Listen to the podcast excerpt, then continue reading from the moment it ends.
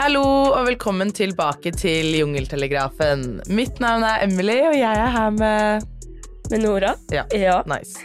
Um, før jeg introduserer dagens tema, så vil jeg gjerne gi en stor takk til Kavlefondet, som eh, sponser denne episoden, og som har vært uh, våre gode støttespillere over en eh, ekstremt lang periode. Mm. Uh, så ja, vi setter utrolig stor pris på dere. Så over til eh, temaet for i dag. Um, vi skal snakke om noe som eh, jeg tror både jeg og Nora er uh, veldig interessert i, men har uh, veldig forskjellig tilnærming til. Og ja, er noen er litt mer redde for å snakke om temaet enn andre. Ja. Um, vi skal snakke om rasisme, men ikke bare rasisme. Vi skal snakke om på en måte det vi har valgt å definere som vårt eget begrep underliggende rasisme.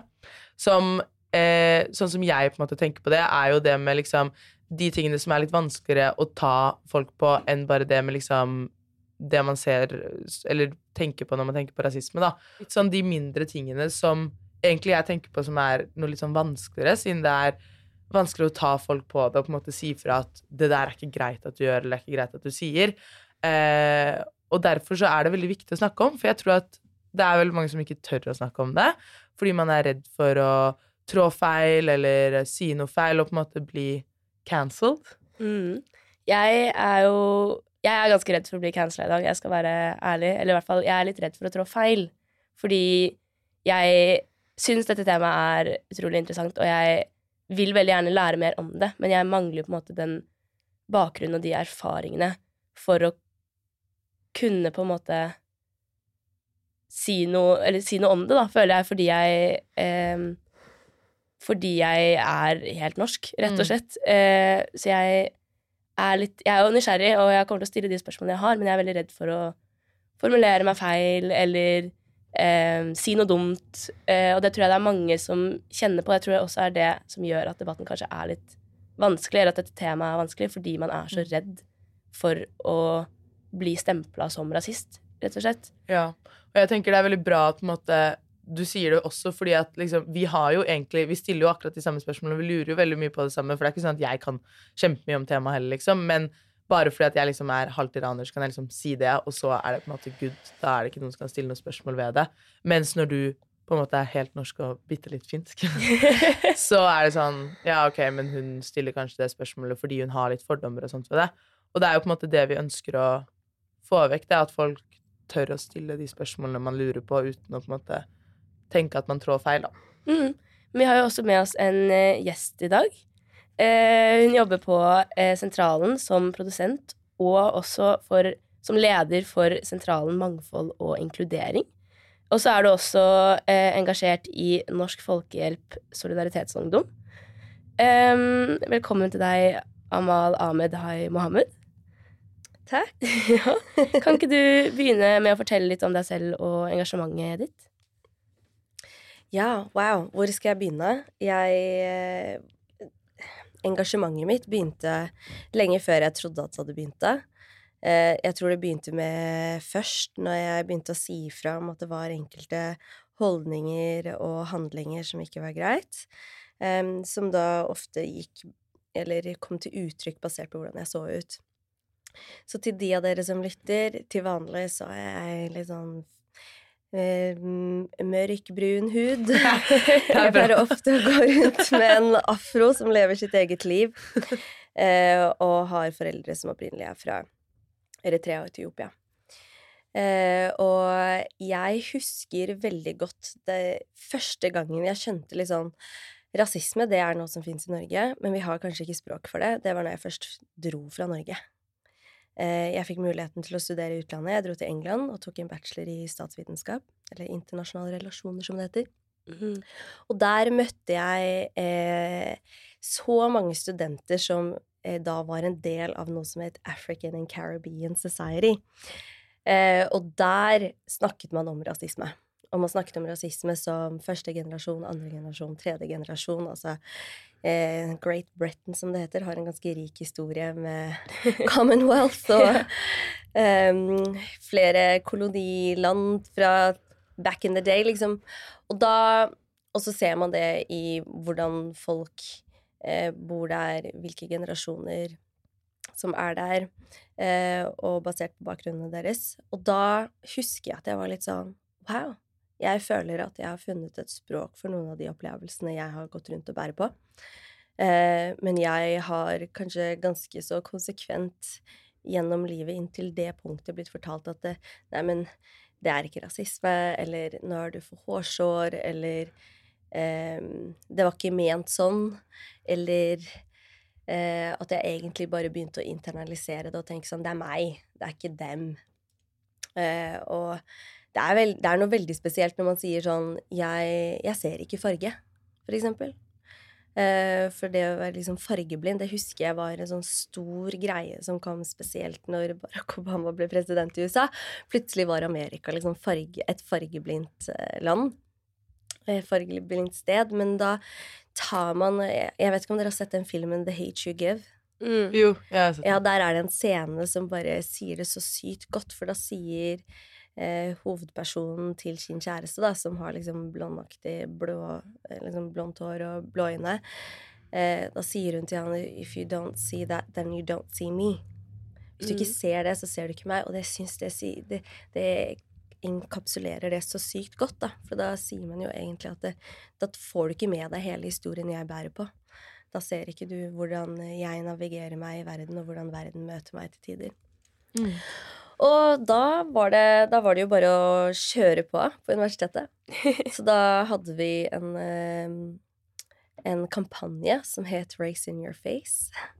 Og det handlet blant annet om dekolonisering av akademia. Hvilke bøker er det vi leser? Hvilke forskning er det vi ser på? Eh, hvem er det som sitter i de ulike panelsamtalene som universitetet inviterer til? Hvordan er det de internasjonale studentene blir møtt? I denne byen vi var i. Eh, og det, det, ble veldig mye større enn det vi så for oss. Mm. Plutselig så ble det en ganske stor diskusjon på universitetet. Eh, og jeg skal ikke si at det var helt smooth, for det var ganske mange som var uenige med oss og mente at universitetet det var liksom ikke plassen å ha de samtalene på, da. Eh, eller at det var ikke plass for de. Eh, og jeg husker etter eh, BLM i Norge også, så ble jeg kontaktet av universitetet. Så var det sånn I England? I England, ja. ja. Eh, University of Portsmouth. Det var der jeg gikk. Så kontaktet meg, så var det sånn Hei, Amal, vi er på vår x antall runder med Race in your face på universitetet. Og da hadde ikke jeg fått med meg at den kampanjen som vi startet da, det ble en, det ble en del av studentunionens arbeid sammen med African and Caribbean Society og flere andre eh, liksom, foreninger på universitetet, da, som viste at det faktisk var Det var et så stort eh, behov for det at det ble en del av strukturen på universitetet. Og da fikk jeg litt sånn sjokk, og så ble, og så ble jeg veldig rørt, da. For det, akkurat der og da så var vi en liten gruppe av oss som kalte oss Melanin Minds. Som var sånn Dette er noe vi bare skal gjøre nå, så får vi se hva som skjer senere. Og så kom jeg til Norge. Eh, og, da, og, der fant jeg det jeg har lyst til å kalle en av mine store kjærligheter, Norsk Folkehjelp Solidaritetsungdom. En ungdomsorganisasjon som eh, virkelig bryr seg om eh, det faktum at verden den er ikke fattig, den er urettferdig, og at vi da sammen med andre kan kjempe for rettferdig fordeling av makt og ressurser. Og der var blant annet antirasisme en ganske stor, viktig pilar. Da.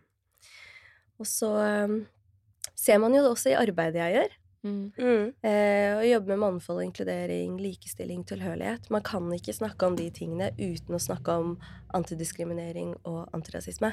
Mm. Det går ikke.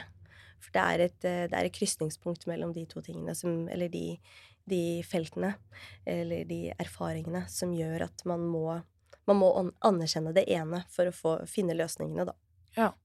Ja, se der, ja. Det var jo kort oppsummering av eh, din uh, Ja, men shit, du har gjort veldig mye kult. Ja, nei, men du har gjort veldig mye kult. Men jeg tenkte på en ting, fordi når du sier det med sånn at ikke det var ment sånn, uh, det sa du i starten, mm.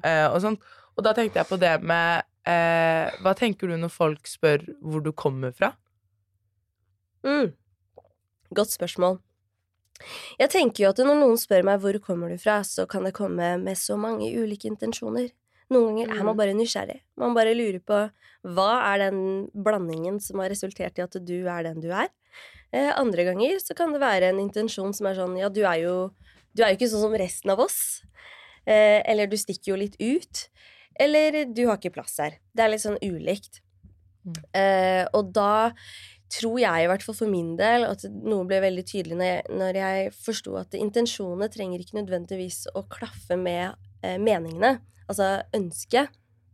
Eh, basert på hva man sier, så ble det også lettere for meg å håndtere. For da ble det litt sånn Noen ganger så hadde jeg lyst til å svare Norge. Mm. Mm. Andre ganger så har jeg lyst til å svare Furuset.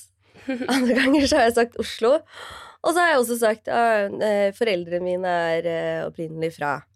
Eh, så det kommer litt grann an på den følelsen jeg får når jeg blir stilt det spørsmålet. Mm. Tenker du at det er noe forskjell på hvis jeg hadde spurt, da, eller hvis Emily, som også har annen bakgrunn enn norsk, eh, ville spurt? Um, jeg jeg syns jo det er veldig interessant, fordi hva betyr det egentlig å være norsk? Det Mm, er et av de spørsmålene jeg liker å stille meg selv ganske ofte. Mm. For jeg er norsk. Ja, ja. Det er kanskje ikke den følelsen noen, eller den oppfatningen noen får med en gang de treffer meg. Når jeg var på universitetet i England, så husker jeg at det var en sånn derre internasjonal Around the World Day.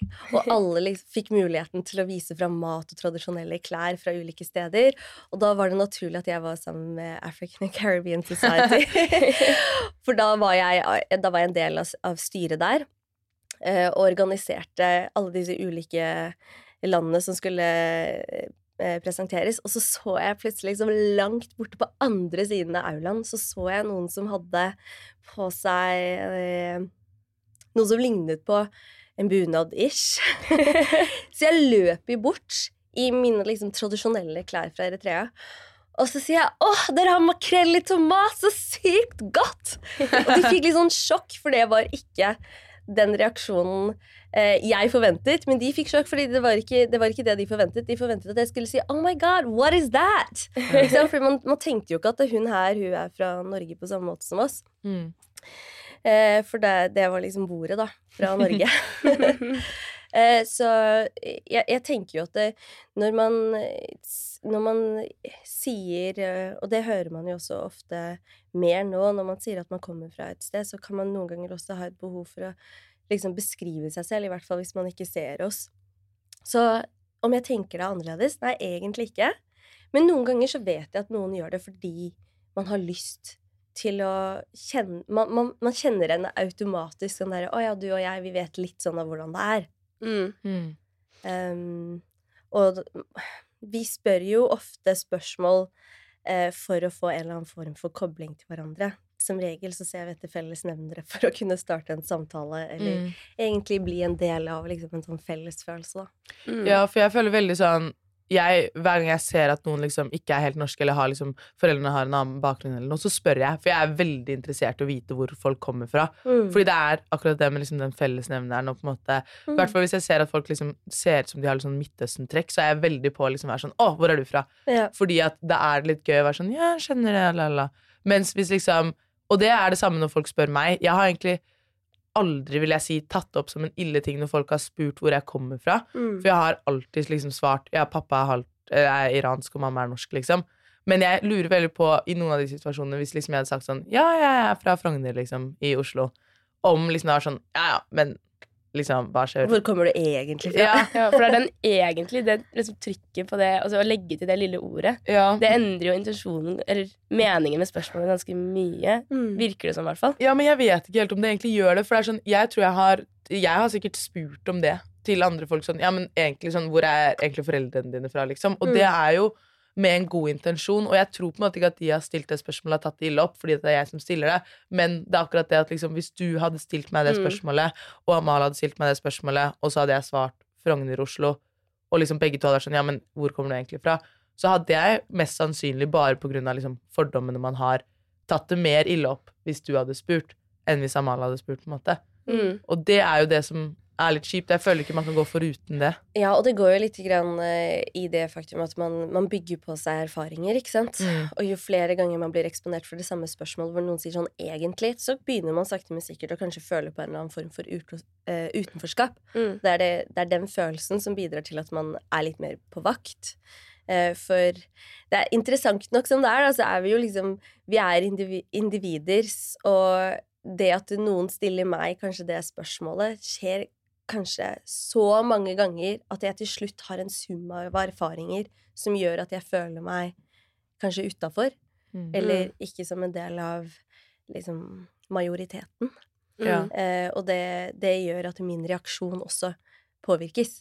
Mm. For jeg, jeg, jeg vet i hvert fall at det, man tar jo ikke alltid hensyn for at det, noen ganger så er man liksom tredje generasjon Mm. fra eh, et annet sted enn i Norge og føler egentlig ingen tilhørighet til, annet enn at man bærer fysiske trekk som tilsier at man kommer fra et sted, eh, eller har røtter fra et sted. Det er derfor jeg er veldig glad i å spørre sånn Ja, hvor er det, hvor er det du, liksom, foreldrene dine eller besteforeldrene dine har røtter fra, eller hvilket språk er det dere snakker hjemme hos deg, eller noen som på en måte kan gi meg en indikasjon på at jeg også prøver å være så fordomsfri som mulig, for jeg har blitt I've been corrected, og jeg vet at mine erfaringer er veldig annerledes enn lillebroren min, um, som eksempel ikke snakker språket. Mm. Uh, som ikke har vært i et land som har vært så konfliktfylt uh, de siste årene sammenlignet med meg, som er veldig mye eldre. Men vent, er du født i Norge? Jeg er født og oppvokst her. Ja, okay, Mm. ja. Jeg lurte på om liksom, du hadde flyttet hit. Ja. derfor, ja. Ja, men det er, det er helt riktig.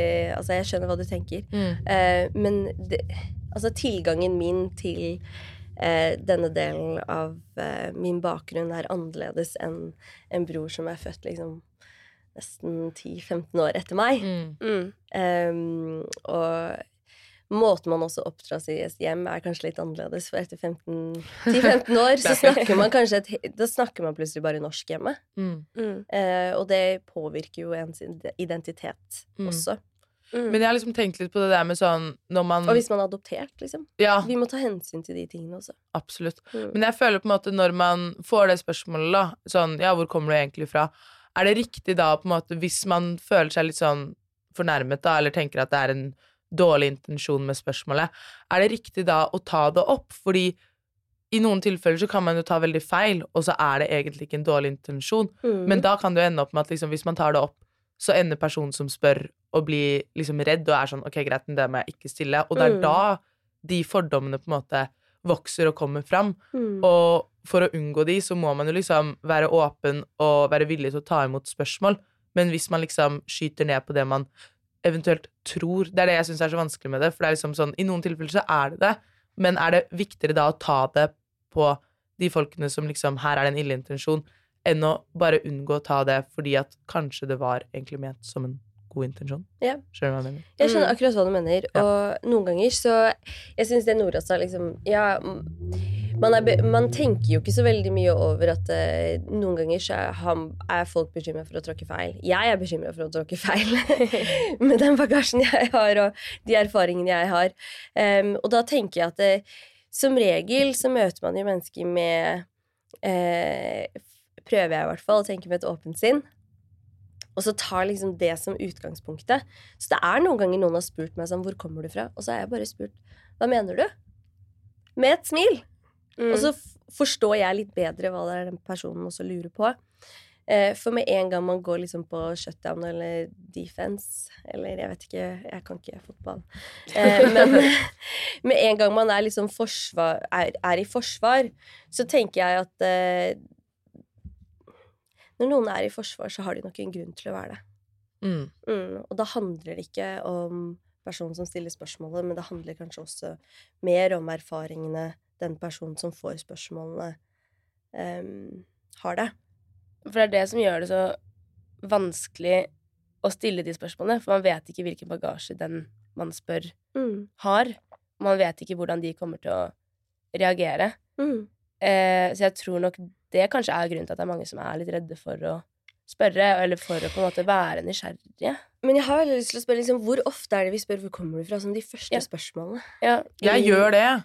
Men ikke, gjør bare, det ikke bare det engang, men liksom bare sånn Nei, jeg vet ikke. Når man skal bli kjent med noen, da, så er det naturlig å snakke om på en måte altså Ikke bare personlige egenskaper, men eh, Bakgrunn. Man, ja, bakgrunn. Og eh, hvordan man har det hjemme. Altså sånn, Mm, ikke sant. Søsken, hvordan Mm. Ikke sant. Mm, Man blir kjent med folk. mm, Og der også, hvis man på en måte Den man snakker med, har bagasje, så vil jo det kanskje Hvis jeg kommer og spør noen som har bagasje jeg ikke vet om, egentlig uavhengig av eh, hvor man er fra og Ja. hvem man er, mm. så vil jo det kunne tolkes dårlig, men med en gang hudfargeaspektet kommer inn også, så vil det Jeg vet ikke hvordan jeg skal formulere det, men så vil det på en måte reflekteres dårlig overfor meg uten at jeg har hatt noen intensjon Mm. om det, og fordi det da er en fare for at jeg blir stilt i et dårlig lys ved å stille et spørsmål, så kanskje Er det derfor man er redd? Det er det jeg ikke vet.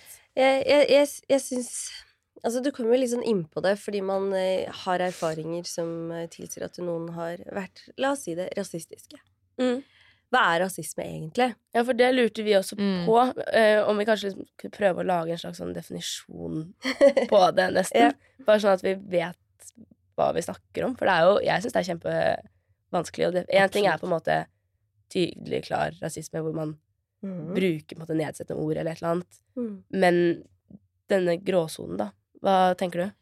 Jeg tenker jo at eh, hvis man ser på rasismebegrepet, så har man eh, en ganske lang historie med hva det faktisk betyr, og vi har på en måte den klassiske ideen, eller den tradisjonelle synet, og det er har du mørk hud, så er du mindre verdt. Altså rasisme dehumaniserer mennesker. Back in the day, vi kjenner til, vi kjenner til hele menneskerettighetskampen i blant annet USA, Sør-Afrika osv., hvor det var apartheid. Altså de som hadde afrikansk bakgrunn, hadde mindre rettigheter og ble sett på som mindre verdt enn de med lys hvit hud, hvis man kan si det på den måten.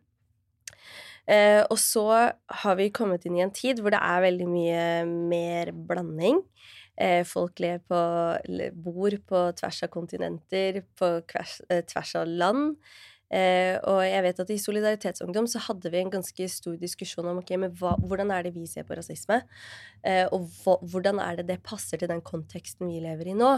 Og da er det jo en, en eh, bredere definisjon som har kommet frem, ikke bare hos oss, men man ser det også generelt, hvor man ser på hudfarge, altså etnisitet, kulturell bakgrunn og religiøs bakgrunn. For dette er indikasjoner som gjør at man eh, fanges eller ses på som en minoritet. En synlig minoritet. Eh, rasisme, det bunner først og fremst i at altså svart hud, som man sier i Norge, eller mørk hud, sånn som det jeg har, det har eh, historisk blitt sett på som mindre verdt. Eh, og dessverre så er det sånn at hvis man ser på em, hvordan eh, folk blir møtt, så er det slik at rasister, de tenker at det, sånne som meg er mindre verdt. Jeg har over lang tid tenkt at ja, men det er jo færre og færre av de nå. Eh, men gjennom mitt arbeid i f.eks. Solidaritetsungdom, som når jeg var leder av Solidaritetsungdom og sa ting ut i media, så var det veldig mange som mente at jeg ikke burde være her. Mm. Eller at jeg faktisk er litt mindre menneske. Og tok, de tok seg tid til å ikke bare si det i kommentarer, men til å skrive hele artikler om at jeg er mindre verdt som menneske. Og det, det er på en måte det det bunner i. Så jeg, jeg føler i hvert fall at når noen spør sånn hvor kommer du fra, man kan sette det i, i, på, på kryss liksom innenfor dette området, men det er ikke det som nødvendigvis er rasistisk alltid.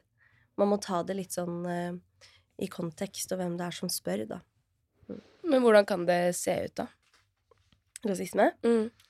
Nei, altså, det kommer jo til uttrykk i alle samfunnslag, i klasserom i Jeg husker uh, Sumaya i baren. Jeg skrev Det var en uh, artikkel, en kronikk, Ja, ok. Takk. mm, Ja. om det. Og da, da, da var liksom hovedskrivelsen til majoriteten på banen. For der var det veldig eksplosivt. Det, eksplisitt, altså det var veldig tydelig at Mm. det, det som ble sagt, det var ren rasisme. Men det var ingen som sa ifra. Mm. Hvorfor var det ingen som sa ifra? Det sier noe om status quo på hvordan vi har det her. Eh, og jeg tenker at mye av det ligger på at man ikke har nok kunnskap. Jeg tenker at det er noen som genuint mener de tingene. Og så er det så sykt ubehagelig at man tør ikke, Mm. eh, eller vet ikke hvordan man skal ta et standpunkt. Det er egentlig der den store arbeidet kommer inn, og det er antirasisme. Mm. Hva tenker dere når dere hører ordet antirasist eller antirasisme? Jeg vet ikke, altså sånn Jeg tenker jo Fordi for meg så er liksom rasisme veldig mye. Så det er liksom en Du kan være Ja, liksom men når dere hører antirasisme Ja, jeg vet ikke. Jeg føler på en måte at det er litt sånn Det er ikke negativt ladet, men på en måte så kan folk Mm. ta det som noe Akkurat som Litt sånn som feminist, på en måte. At det er litt sånn negativt ladet i det at da drar man det til ekstreme, og man blir, er krenket av alt, på en måte. Mm. Så Mm. jeg synes, det er jo et veldig bra begrep hvis man faktisk vet hva det handler om, men jeg tror fort, for, eller fort at liksom folk kan liksom assosiere det med noe liksom veldig ekstremt og sånn, å, de er alltid krenka, de tar alt, alt er veldig dårlig, man tar opp alt som Ja. noe dårlig og rasistisk, på en måte. ja. Og det er jo i seg selv veldig kjipt, men jeg føler det er sånn man kan assosiere det, på en måte. Det er litt sånn jeg assosierer det, egentlig. Jeg tenker også at jeg tror det kommer av at Altså, hele det derre woke-opplegget, Mm. eh, og at man eh, får litt stempel på seg om at man blir krenka av absolutt alt. Mm. Eh, og det også er jo en del av det at man liksom så lett blir cancela og alt Hele det, jeg vet ikke, internettopplegget hvor man bare glemmer en person hvis de gjør en feil, og fordi man da Det blir på en måte to fronter, da, for du har de som kaller seg feminist eller eh, antirasist, Mm. eh, som får liksom stempelet på seg at vi, vi krenkes for alt, og vi, vi er med på å liksom ødelegge noens karriere fordi de har gjort en feil, får de stempel på, og så på den andre siden så har du de som faktisk har gjort en feil, og som må ta stilling til det, men så ender opp med å bli en sånn rar Det- diskusjon om at man Det handler ikke om man er rasist eller ikke, det handler om om man skal bli krenka eller ikke. Altså, fokuset jeg, jeg, jeg syns det er et veldig veldig godt poeng. For at man tar egentlig fokuset fra det det virkelig handler om, Ja. til noe helt annet. Ja. Eh, og jeg, jeg syns det er kjempeinteressant å høre hva dere tenker når dere hører ordet antirasist. For det er jo kanskje Vi er i, vi er i en diskusjon og et liksom em, Hva skal jeg si En samtale i samfunnet som handler veldig mye om krenkelse og cancelling kultur Mm. og liksom Mm. hva betyr wokeism. Det var ikke like mye til stede, i hvert fall når jeg var like gammel som dere er noen år eldre nå. Men det jeg syns er, det jeg syns er eh, viktig, det er å vite hva antirasist og antirasisme betyr. En antirasist er en person som anerkjenner at rasisme fins, og bestemmer seg for å ta nok liksom hente inn nok kunnskap på det for å kunne si fra og ta handling. Det er det det handler om. Mm. Eh, og Men det er ikke sånn det blir framstilt, for det jeg det, det tenker jeg sier noe om diskusjon og narrativet vi har i norske medier.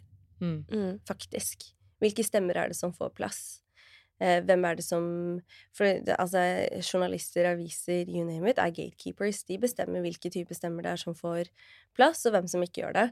Eh, og det blir en veldig sånn per nå, i hvert fall, så jeg mener at det er liksom steile fronter mellom det å bli krenka og ikke krenka, og det tar ganske mye plass i diskusjonene om eh, rasisme, istedenfor å egentlig se på saken. Hva er det rasisme er i Norge? Hvor er det det kommer til uttrykk? Og hvordan kan vi finne løsninger sammen som gjør at vi får satt det på bukt? At vi kan leve i et rasismefritt samfunn, da. For per nå så Altså, på norsk så har vi noe som heter hverdagsrasisme. Hvor sykt er ikke det, egentlig? Det Mm. sier noe om hvilke tilstander det er. Når man, kan, når man kan si at det er noe som dukker opp i hverdagen. Eh, jeg husker det er Det var en som sa sånn eh, Er det sånn at rasisme da ikke Det skjer liksom ikke på lørdag og søndag fordi det er hverdag? Eh, og jeg, jeg tenker i hvert fall at det, det er veldig spesielt, for vi har faktisk ikke det jeg, jeg kjenner ikke det til det ordet på noen andre språk enn på norsk. Nei. Nei. Nei. Jeg føler også hverdagsrasisme sånn Jeg har aldri Jo, en gang i hele mitt liv så har jeg opplevd liksom det man kaller for renspikka rasisme. Men utenom det så har det liksom vært sånn hverdagsrasisme. Som for meg har vært eh, Nå syns jeg det er veldig rart å oppleve det. Fordi når jeg var yngre, så var det sånn at jeg liksom så på meg selv som liksom noen fra utsiden. Fordi at jeg gikk på en veldig norsk Jeg gikk på Uranienborg, som er liksom en veldig liten skole, hovedsakelig liksom norske elever, og uten at det var noen sin feil, for det var ingen som liksom sa noe eller gjorde noe, men bare pga. utseendet så var jeg sånn Ok, men jeg er litt annerledes enn de her, så jeg var litt flau over det. Og da var jeg på en måte vant til å liksom få sånne spørsmål som var Jeg tror ikke de var negativt ladet, men jeg tok det opp negativt fordi at jeg allerede følte meg som noen som var utenfor.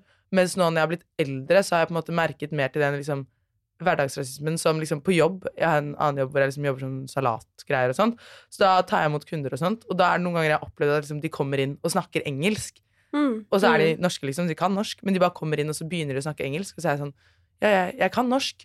Og så er det bare sånn Å ja, ok, ja, men da så. Og så er det sånn Jeg tar det ikke For meg så er det sånn Hvis en hvit mann hadde kommet inn og sagt det, så tar jeg det mye mer ille opp enn hvis det hadde kommet en annen person fra Iran, for eksempel, og begynt å snakke engelsk, liksom. Bare fordi at jeg også bærer på de fordommene mot Man bærer jo alltid på fordommer, men jeg vet ikke om man liksom kan ta det som eh, liksom det med underliggende rasisme. Jeg vet ikke om man kan ta det som noe sånt, eller om det egentlig er i ren høflighet at man gjør det, bare for å vise at man på en måte har respekt for det. Og det er Mm. der jeg syns det er litt sånn vanskelig å skille det også, når det kommer til det med hverdagsrasisme, for det er så mye mindre. Det er Det- vanskelig. Ja, Det er vanskelig. Det er derfor det er ubehagelig. Mm. Det er vanskelig, og det er personlig. Um, og jeg tenker at uh, Altså, at noen snakker engelsk til deg, det skjer med meg i nesten alle settinger. På et eller annet tidspunkt så er det noen som begynner å snakke engelsk fordi de, de antar det, er, det ligger noe underliggende. Så Men bare- tar du det ille opp, liksom? eh, I noen situasjoner så gjør jeg det, og andre Mm. ikke. Jeg kan si at eh, i en situasjon hvor det er liksom mange ulike mennesker, og jeg ikke er i en jobbkontekst, og noen snakker engelsk til meg, så er jeg kanskje litt mer sånn relaxed. Eh, mens eh, når jeg har vært på en konferanse som er alle snakker norsk, eh, og en eh, eldre mann Og alle går i dress, og det er en sånn profilert sted, og en eldre mann eh, med blå øyne og hvitt hår kommer bort til meg og sier sånn Hey, can you please get me a cup of coffee? Da tar jeg det ille opp. Ja, det skjønner jeg. det skjønner jeg. Det er helt sykt. Ja. Ehm, så det kommer litt an på hvilket sted. Mm. Det kommer an på hvilken kontekst. Uh, samtidig som uh, jeg tenker at det ligger Jeg, jeg tenker jo at det, det ligger på det, individuelle planet. Man trenger, å, man trenger å jobbe med de fordommene man har. Ingen er fordomsfri. Men jeg kan jo catche meg selv Mm. i å bare anta noe. Hvorfor skal, hvorfor skal jeg gjøre det? Det er jo ikke mitt verdensbilde som er sannheten her. Mm. Det er faktisk en sum av alle andres opplevelser også. Absolutt. Men hvis vi liksom skal snakke om sånn hva det gjør med deg, da, eller liksom med meg som person, så føler jeg også sånn Det handler om sånn Når jeg gikk i barnehagen, da Man snakker om det med at liksom barn ser jo ikke farge, og de er- lever av hverandre og bla, bla. Mm, ja. Mens når jeg gikk på ungdomsskolen, så husker jeg at jeg syntes det var Det var liksom da alt sånn guttegreier og sånt begynte. Og da syns jeg det var litt sånn Jeg følte meg alltid litt sånn mindre attraktiv. Ikke på grunn av, men bare på grunn av hudfargen min, liksom. Fordi at jeg følte at guttene var mer tiltrukket til norske, altså hvite jenter, da, på en måte. Fordi at det var det vanlige, og det var det man liksom så mest av, da. Ja. Og det var ikke fordi at noen sa noe eller gjorde noe, eller et eller annet sånt. Det var bare fordi at jeg følte meg som noe annerledes, og at man da ikke ville ha noe annerledes. Men da har jeg lyst til å spørre, hvor er det den tanken egentlig kommer fra, hvis ingen har sagt det Ja. direkte til deg? Vi blir sosialisert inn i veldig mange ting. Vi, Mm. vi blir sosialisert til å se hudfarge på et eller annet tidspunkt Mm. i, i barnehagen. Hvor man begynte, Husker dere den fargestiften som var sånn hudfarge? Ja! Ja. Ja! Ja, ja, ja, Å, det husker jeg, det husker jeg så godt. Ikke sant? Kan Hva er det for nå, nå ser man sånne, nå ser man sånne mm, fargestiftbokser med alle typer Ja, nyanser. det er så sant! ja, ja. Det Fordi vi we have moved on. Og det, Ja. det du eh, refererer, til, eh, refererer til nå, er hvithetsnormen. Mm. Mm. Da- Der, der ser man egentlig på eh, en idé om at det er lys hud som er standarden. Det er lys hud som blir sett på som skjønnhetsbilde.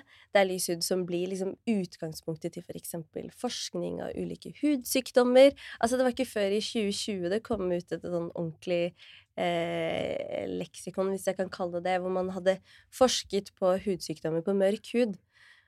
Og man så at det parallelt var veldig mye senere man oppdaget hudsykdommer i mørk hud enn i lys hud, fordi man hadde Altså, det er en Det er, en, det er, en, Det er så rart. Ja. Det er Mm. så rart. Og, og, da, og da begynner man å sosialisere Altså, det, det internaliseres, da.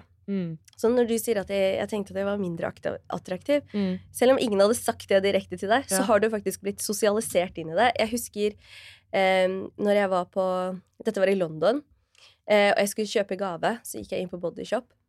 Mm. Eh, og så hadde jeg kjøpt så mye stæsj at man fikk, man fikk liksom en sånn gratis uh, leppestift. Mm. Og den het Nude. Ja. Mm. Og så så jeg på den, og så var jeg sånn Dette er ikke nude på meg. Ja. Så jeg går bort til hun som jobber der, så sier jeg tusen takk for liksom, denne ekstra Men det greia her. funker jo ikke for meg. Men this is not my nude. Og Mm. hun eh, s- Man kunne si at hun hadde eh, en bakgrunn som tilsvarer kanskje et eller annet sted i Midtøsten noe sted. Mm. Så hun skjønte hva jeg mente. Og så sa hun, vet du hva, you know what, just go and grab the one that fits you. Liksom, Gå og ta den som passer for deg. Mm. Eh, og da var det liksom Det var bare én nudefarge, og resten var liksom rosa Ja, og rød og så videre. Eh, og da husker jeg at manageren hennes så denne interaksjonen, kom bort til meg og sa du kan bare velge nude. Nei. Og da så jeg på henne og så sa jeg this is your nude, it's not my nude. og det sier noe om liksom hvilken standard eh, man ser liksom verdensbildet gjennom, og det er noe man Oi, unnskyld. Det er noe man sosialiseres inn i, da. Så hvithetsnormen er noe man må konsekvent liksom eh, ta et oppgjør med, oppgjør med og man ser jo det bare med plasteren Mm. man Ja, herregud. Det er så sant. Det har jeg aldri tenkt på. Det tenkte jeg på, for jeg danset. Eh, og Ah. man vil jo ikke ha liksom noe som stikker ut. Når man først har fått et sår eller et eller annet sånt, så er jeg sånn åh, nå har jeg liksom ikke noe som matcher min hudfarge. Eh, og det blir veldig synd for meg når jeg fikk eh, jeg, jeg har diabetes type 1. Mm. Så jeg har sånn sensor, og så syns jeg det var skikkelig flaut at den var liksom kritthvit og bare lyste opp. Eh, og da så jeg etter plaster, og så innså jeg at oi, jeg må liksom bestille det da, fra USA hvis jeg skal ha det. Ja, ok, Mm. ja, fordi det var det jeg lurte på. Sånn i andre land enn Norge, har Mm. de andre typer plast? Altså har de andre farger på plasten enn eh, der?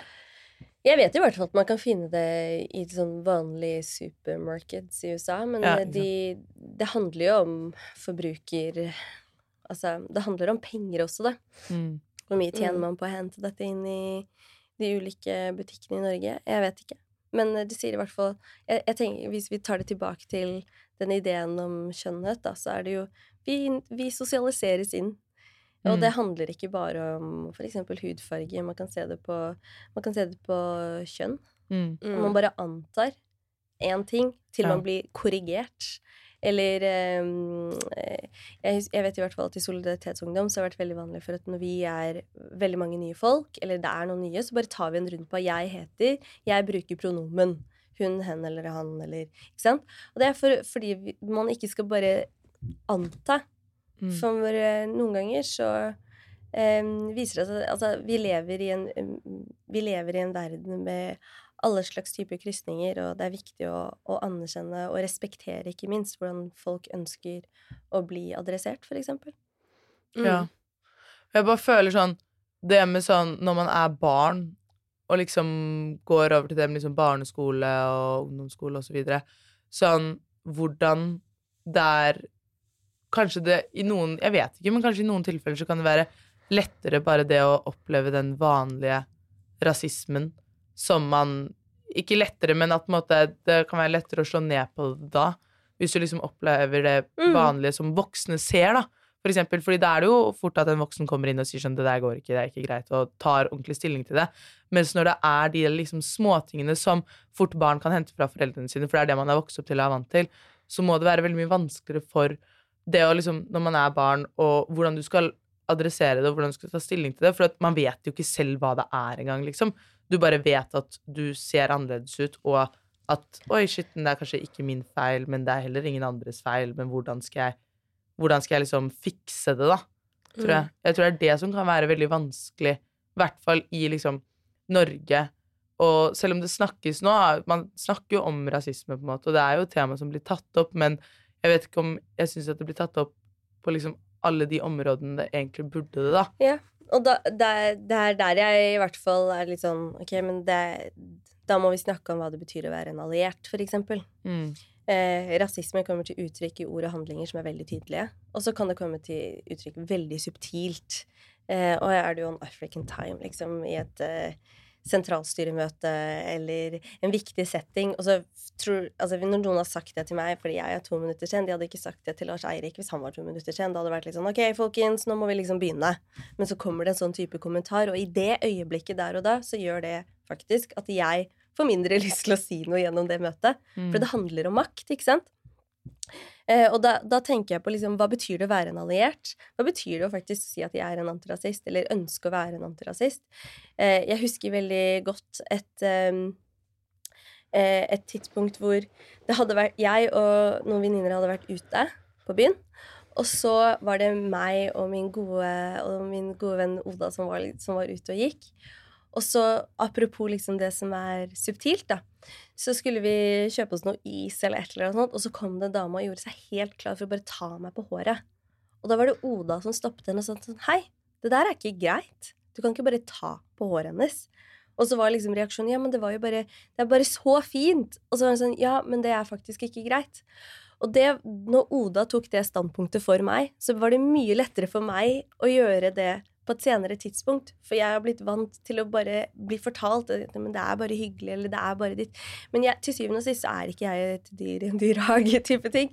Så man må respektere det, det faktum at man, man kan ikke bare ta på folk uten å kjenne dem, eksempel. Mm. Og det, det, var det, hun, det var kunnskap hun hadde hentet opp fra et helt annet sted enn en samtale med meg. Og så sa han ja, Amal, jeg vet ikke om det var helt innafor, men akkurat der og da så tenkte jeg hvorfor skal, hvorfor skal man bare ta på folk man ikke kjenner, liksom? Ja, og akkurat det med hår og sånt, det har jeg alltid syntes har vært litt vanskelig, fordi at jeg tror jo at de fleste har jo gode intensjoner med det og sånt, men i hvert fall for meg så har det vært sånn, kan man si jeg synes, Akkurat det syns jeg er veldig vanskelig, fordi at de fleste mener det som en god ting, og som på en måte noe Man er ikke vant til det, på en måte. Det virker, eller hvis liksom folk kommer bort og skal ta deg på håret, så virker det ikke som de er så veldig vant til å ha sett en annen type hår enn det de er vant til, da. Og så føler jeg på en måte at det er jo en god intensjon, så Men når dere liksom sier fra på den måten, er det litt sånn at da dytter man henne på en måte litt vekk, sånn at hun ikke tør å ta opp det Eller prøve på det igjen. Ikke prøve Jeg skjønner at ikke hun skal gå og ta på folk sitt hår, det er jeg helt enig men liksom ta det opp, da, eller bare kunne snakke om det, for jeg tror at det kan gjøre at folk blir litt mer redde for det, på en måte. Og i hvert fall sånn Jeg syns det er vanskelig liksom, å si sånn 'Å, så fin du er på håret', eller 'så fint hår du har', liksom. Mm. Kan man si det? For det virker som at noen ikke vil at man skal si det, og da blir jeg litt sånn Blir ikke det litt for mye igjen? Blir ikke det litt sånn 'Hallo, jeg mener at du faktisk har det, kan jeg ikke få lov til å si det bare for at du er en annen hårtype', liksom? Ja, altså Når noen har sagt til meg at jeg er fin på håret, så har jo jeg tatt det som kompliment. Det er jo noen som eh, Hvis det er noen som ikke tar det som kompliment, så Jeg syns det er vanskelig på en måte å se en sånn type situasjon, egentlig. Mm. Eh, dere må gjerne komme med eksempler, men jeg tenker sånn Når man kommer med et kompliment, eh, og det er eh, noe så uskyldig som en eller annen form for beundring, eller man syns at noe er fint, og man bruker ord, så skal det ganske mye til for at noen bare går rett i forsvar. Mm. Eh, så igjen, da, jeg tror veldig mye av det har med kontekst å gjøre Ja. mm, situasjonen å gjøre. Jeg tar heller sjansen på å gi noen kompliment enn å bare holde alt sammen inni meg, og i hvert fall bare trå liksom forsiktig hvor, hvor enn jeg går. Hvis jeg blir retta på, så vet du hva, da sier jeg unnskyld. Jeg tenkte ikke på det på den måten, eller Mm. å ja, det har jeg ikke tenkt på, det skal jeg ta til meg, eller hm, dette er faktisk noe jeg må forske litt på på egen hånd. Mm. Mm. Em, jeg vet ikke, hva tenker du? Altså, jeg er veldig glad i folk komplimenter, og gjør ofte det. Tenker ikke så mye på hvem Mm. jeg gir dem til, heller, egentlig. Eh, og jeg tenker at det viktigste er å ha en god intensjon. Eh, og om det da blir tolket feil, så må man ta det i den situasjonen, på en måte, og heller på en måte forklare seg og være sånn Jeg ville faktisk bare gi et kompliment, men hvis jeg sa noe galt, gjerne si Ja. hva jeg Hva Det det, var du reagerte den- på, på en måte. Ja, det handler om den dialogen og den Ja. samtalen man har, og eh, Altså Så sykt slitsomt å være forsiktig hele tiden, og da Ja. snakket de Mm. bare om komplimenter. Nummer én. Nummer to, som en person som ser ut som meg, så er det noe Har dere hørt om minoritetsstress? Nei. Nei.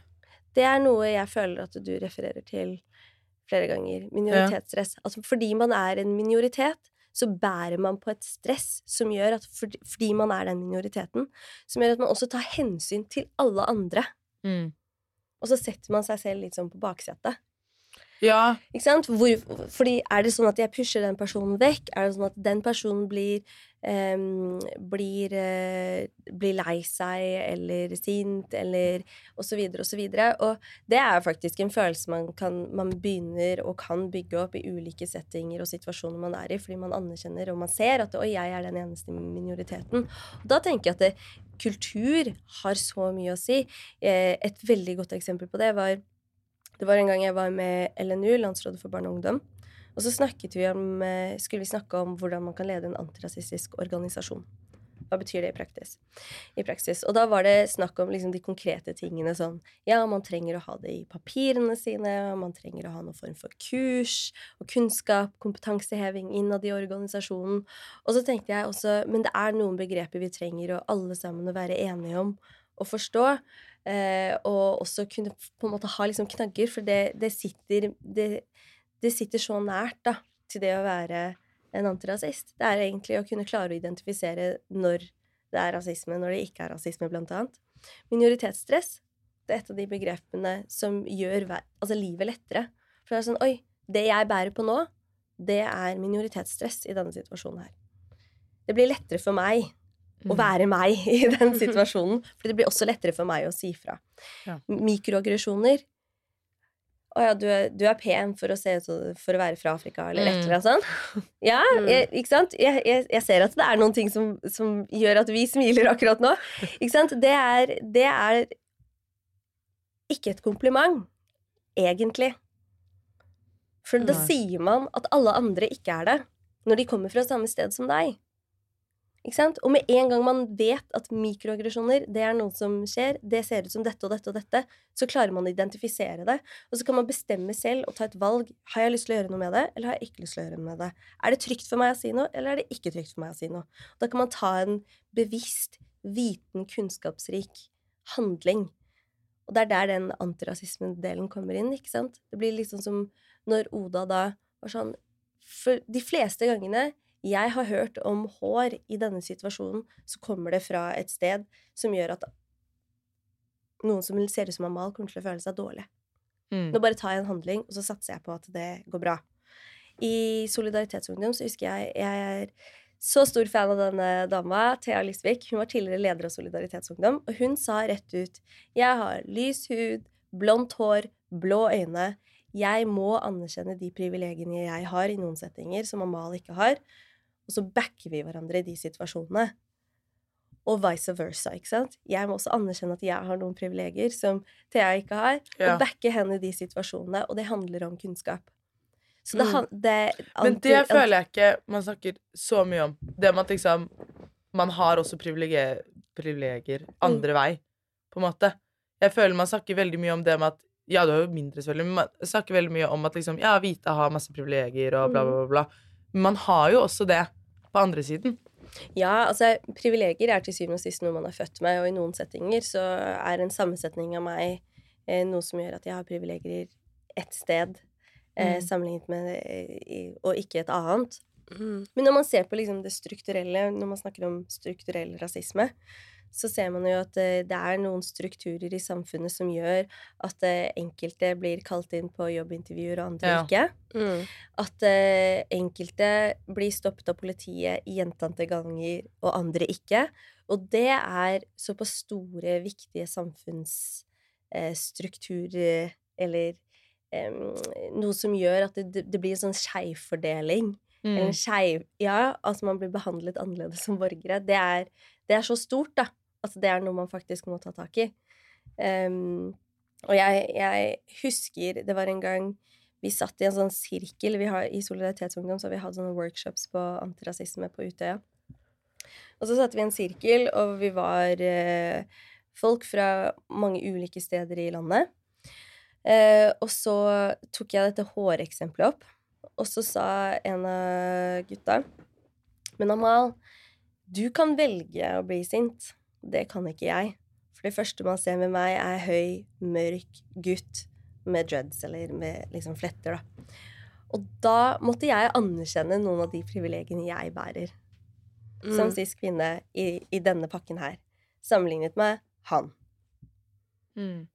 Ja. Jeg vet ikke, jeg føler liksom det er, Nå har vi liksom snakket om så mye, men så er det sånn Hvordan kan man stoppe alt dette? da? Hvordan kan man stoppe rasisme og det underliggende og alt det her? Fordi for eksempel i en sånn situasjon hvor man ser at det er noe ekstremt sånn ugreit som foregår, så er det sånn OK, man kan trå inn, man kan si ifra. Og jeg, Vi snakket om det i stad, og jeg synes det var veldig interessant. Fordi Hvis jeg hadde gått opp og sagt noe og vært sånn, det her er helt uaktuelt, det går ikke, så hadde det vært sånn OK, ja, bla, bla, bla. Men hvis Nora hadde gjort det, så føler jeg det liksom hadde vært mer revolusjonerende, eller mer sånn wow, shit. Fordi Mm. at det er noen som liksom er en alliert, men som kommer fra utsiden, på en måte, og som bidrar i en sånn situasjon. Hva tenker du. Nora? Jeg er jo egentlig enig. Jeg tror det har større påvirkningskraft fordi jeg på en måte, Du snakket om at eh, det må komme fra majoritetsbefolkningen. Mm. Og fordi jeg er en del av det, at det kanskje eh, da spiller en større rolle. Men samtidig tenker jeg at det betyr jo ikke at du ikke skal si ifra. Nei, nei, nei. Fordi eh, du har jo på en måte også erfaringer, og du kan lettere identifisere eh, altså De tydelige situasjonene kan jeg også identifisere, men de, de vanskeligere, altså de gråsonesituasjonene, Mm.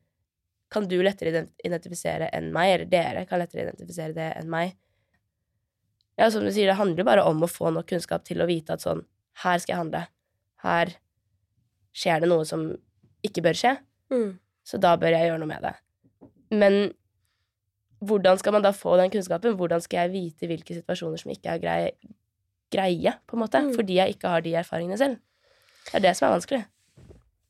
Og der tenker jeg at den ideen jeg, jeg, Kan jeg bare si, Nora, tusen Mm. takk. Vær så For at du sier det liksom rett ut. For det Ja. er, det er kjempevanskelig å si. Det er vanskelig å, å det, er, det er vanskelig å finne de riktige ordene, Mm. hvis jeg kan si det på den måten. Ja. Um, og jeg tenker det, Man kan starte med å, å si at det å være en antirasist er ikke å være en ekstrem. og liksom ufarliggjøre hva det faktisk betyr i praksis. da. Mm. Eh, Mm. og det å hente inn kunnskap Man har venner rundt seg. Man kan stille de spørsmål fordi man er i en trygg, en trygg sfære, liksom i, et trygt rom. Eh, noen ganger så skal man faktisk skal man kanskje ikke gå til de som opplever disse erfaringene hele tiden, men vi har noe som heter internett. Mm. Hvis man bare søker opp 'what is anti-racism', eller 'hva er antirasisme', så finner man så mange svar på hvordan man kan handle. Eh, Jeg vil i hvert fall si at eh, jeg vet at Norsk Folkehjelp har f.eks. antirasismekurs. Eh, Jeg vet at det fins så mange podcaster og liksom andre typer sosiale nettverkskanaler hvor man kanskje kan finne mer av denne kunnskapen, og ikke minst bøker. Um, og noen ganger så tenker jeg at det er verdt risikoen å bare prøve. Og så finner man ut av hvordan det føles etterpå. Um, jeg husker veldig godt det var en gang noen hadde vært ganske kjipe på T-banen. Og så sa ikke jeg noe. Men det hadde vært kjipt mot deg eller mot noen andre? Det var kjipt mot noen andre. Ja. Og så var jeg såpass langt unna. Jeg så egentlig ikke helt hva som skjedde. Så jeg tenkte sånn Det blir liksom for usikkert. Men når de som var kjipe, hadde gått, så så jeg at det var noe vondt som hadde skjedd akkurat der og da. Eh, og da gikk jeg bort og sa du, unnskyld. Jeg så hva som skjedde, og så ble jeg bekymra, og så tok jeg ikke en handling, men jeg skulle sagt ifra. Jeg syns du er veldig fin i den bunaden. Og jeg Mm. visste hvordan den følelsen var, for noen har sagt noe lignende til meg når jeg hadde noe som lignet på en bunad. Da var jeg veldig liten, ikke sant. Så Mm. jeg, jeg tenk, og det er ikke for å unnskylde, men noen ganger så trenger man ikke å handle i øyeblikket, men man kan handle etterpå. Og det er greit, Ja. det også. Eh, og det er derfor jeg også sier at man trenger å tenke på sikkerhet, da. For det snakker man ikke så veldig høyt om, men eh, noen ganger så er man i en trua situasjon, eller man er vitne til en truende situasjon, og så trenger man å ta en ordentlig liksom er det, er det safe å si noe nå, eller er det bedre å bare komme Få denne personen vekk fra denne situasjonen, for eksempel, eller Mm. få hjelp fra noen andre. Mm. Mm. Det var veldig bra oppsummert, syns jeg. Ja, jeg er enig. Um, I Jungeltelegrafen så har vi en magisk tryllestav uh, som vi pleier å gi til gjestene våre. Um, og den uh, magiske tryllestaven gjør at du kan endre på hva du vil. Du får rett og slett all makt i hele verden. Um, hva velger du å gjøre? Uh, hva velger jeg å gjøre? Hva jeg vil? Jeg tror jeg ville sagt noe så enkelt og komplisert som vi hadde hatt en eh, liksom rettferdig fordeling av makt og ressurser. Jeg tror det hadde Det var jo stort. Hjulpet mye. Ja, det hadde Ja. hjulpet helt sinnssykt mye. Ja, det tror jeg òg. Jeg tror det hadde løst mange problemer. Ja. Mm, det var et godt svar. Ja.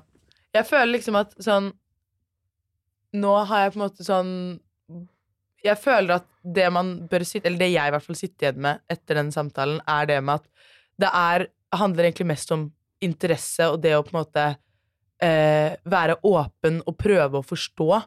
Og bare ved det så tror jeg man kommer veldig langt. Bare sånn, Som du sier, det med internett. Det er ikke så vanskelig, egentlig, å bare søke opp hvis det er noe man lurer på. Eller gå til de man føler seg trygg med, og stille de dumme spørsmålene som man er litt usikker på, for å få et svar som kanskje kan hjelpe deg, da. Og liksom Mm. bare Jeg vet ikke Så fort man på en måte har liksom et åpent syn, eller og, og, åpent sinn, mm. og på en måte er interessert, så tror jeg det hjelper veldig. For jeg tror du får liksom veldig mange svar bare av det. Og også det å liksom ha en Som du sa, eh, det tenkte jeg veldig på, at det er veldig bra å bare ha liksom en eh, Tenke at alle har gode intensjoner, Mm. Mm. og liksom gå fra det, og begynne på det. For det tror jeg kan liksom Det åpner jo også automatisk til mye bedre samtaler enn hvis man går inn med de fordommene, da. Og alle har jo fordommer. Så bare det at man liksom skal prøve å tvinge de litt vekk, da. For da tror jeg også man kan bli kvitt en del av de fordommene. Ja, det tror jeg også. Og så tror jeg at det går begge veier. ikke sant? Man bærer Mm. noen fordommer selv, og så har det de som stiller eventuelt noen spørsmål. Nå var det veldig mye på sånn Hvor kommer du fra? Mm. Hvor er det det spørsmålet kommer fra? Mm. Hvorfor stiller man de spørsmålene? Så får man også tatt et lite sånn check-in med seg selv, da. Mm. Mm. Jeg tenker også at det jeg tar med, i hvert fall, er at det er kanskje ikke så farlig å spørre som jeg skal ha det til i begynnelsen. Eh, og at det at man faktisk tør å spørre, er en ganske viktig del av nettopp det å bryte ned de fordommene. Mm. Um, hva tenker du er det viktigste vi har snakket om i dag? Eh, det, hva tenker jeg er det aller viktigste av det vi har snakket om i dag? Eh, definitivt at eh, åpen dialog kan føre til veldig mye forståelse. Mm. Eh, at man ikke trenger å polarisere alt og sette alt liksom i ekstrem. Mm. Fordi det, det gjør at vi har mer avstand fra hverandre enn eh, vi ønsker, egentlig, tenker jeg. Eh, og at eh, hvis vi hadde hatt eh, flere antirasister i verden, så tror jeg verden hadde vært et bedre sted å leve i. Enig. Så man trenger egentlig til syvende og sist å bare være åpen til kunnskap. Mm. eh, og ønske å eh, lære hvordan det er, rett og slett. Men også å ta seg tid til å finne de ordene som kan beskrive en eller annen form for erfaring, om man står på den ene siden eller på den andre siden. Mm. Jeg tror kanskje det er det jeg tenker er det viktigste. Og så er det jo litt sånn at eh, Jeg vet i hvert fall at hun, i, hvis jeg kan kalle dem ungdom, unge, har nesten en større toleranse for hverandre enn de eldre. Så vi får, eh, vi får bare kjøre på og fortsette sånn som vi gjør, egentlig. Og se hverandre. Mm. Mm. Mm. Ja, rett før vi runder av, så har vi også en tidsmaskin. Oh. Eh, så du vet på en måte alt det du vet nå. Og så går du tilbake til når du var 17-18 år gammel, Mm. og så kan du gi deg selv ett råd. Hva er det du ville sagt? Eh, Til 17 år gamle meg. Hva ville jeg sagt? Jeg ville sagt drøm stort. Fortsett å drømme stort. Gå for det du har lyst til. Du er vakker, og du er smart, uansett hva andre folk sier. Eh, og ta vare på deg selv og vennene dine. For vennskap, det er noe av det mest verdifulle du kommer til å ha opp gjennom livets eh, oppturer og nedturer.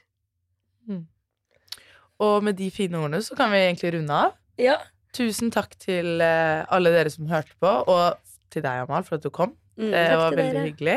Ja. Eh, og tusen takk til alle dere som sender oss eh, DMs, og så ses vi snart igjen. Og tusen takk til Kavlefondet. Og selvfølgelig tusen takk til Kavlefondet. We love you.